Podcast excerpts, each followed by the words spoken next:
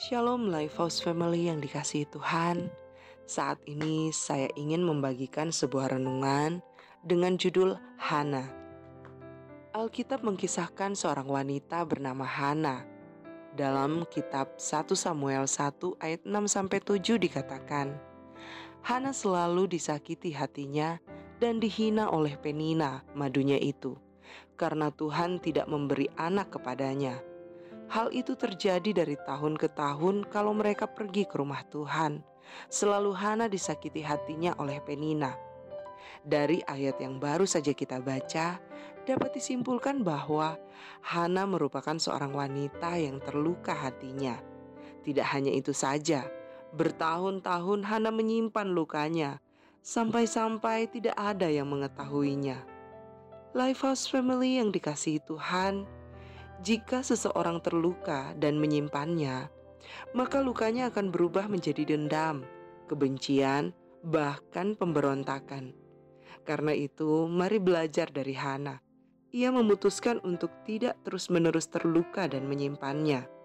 Sebaliknya, ia datang ke rumah Tuhan, berdoa, dan bertemu dengan Imam Eli untuk mengobati lukanya.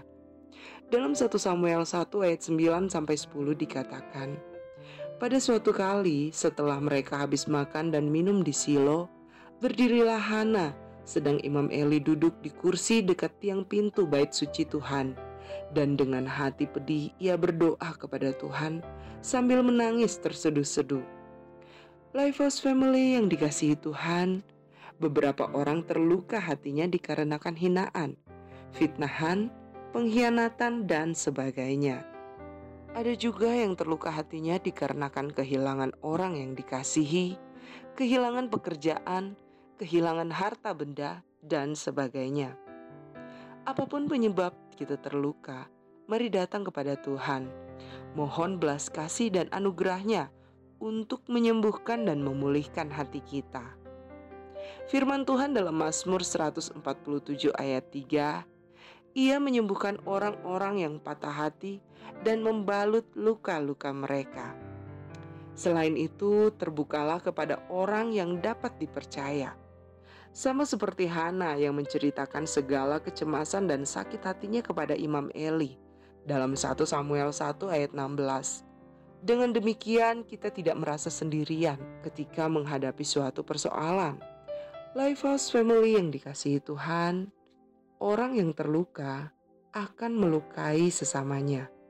Selain itu, orang yang terluka akan sulit dikabulkan doanya.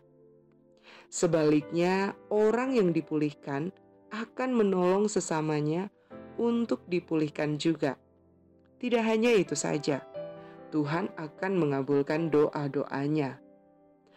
Lifehouse Family yang dikasihi Tuhan, di akhir renungan ini saya mau mengingatkan kembali bahwa apa pun yang menyebabkan hati kita terluka, janganlah menyimpannya.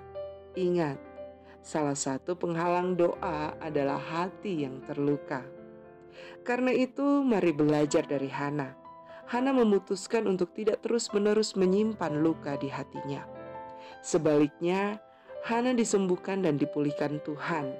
Tidak hanya itu saja, Tuhan menjawab doanya. Percayalah, masih ada Tuhan dan masih ada orang-orang yang dapat dipercaya. Selamat menjalani hari ini bersama Tuhan Yesus yang dahsyat dan luar biasa. Tuhan Yesus mengasihi kita semua. Shalom.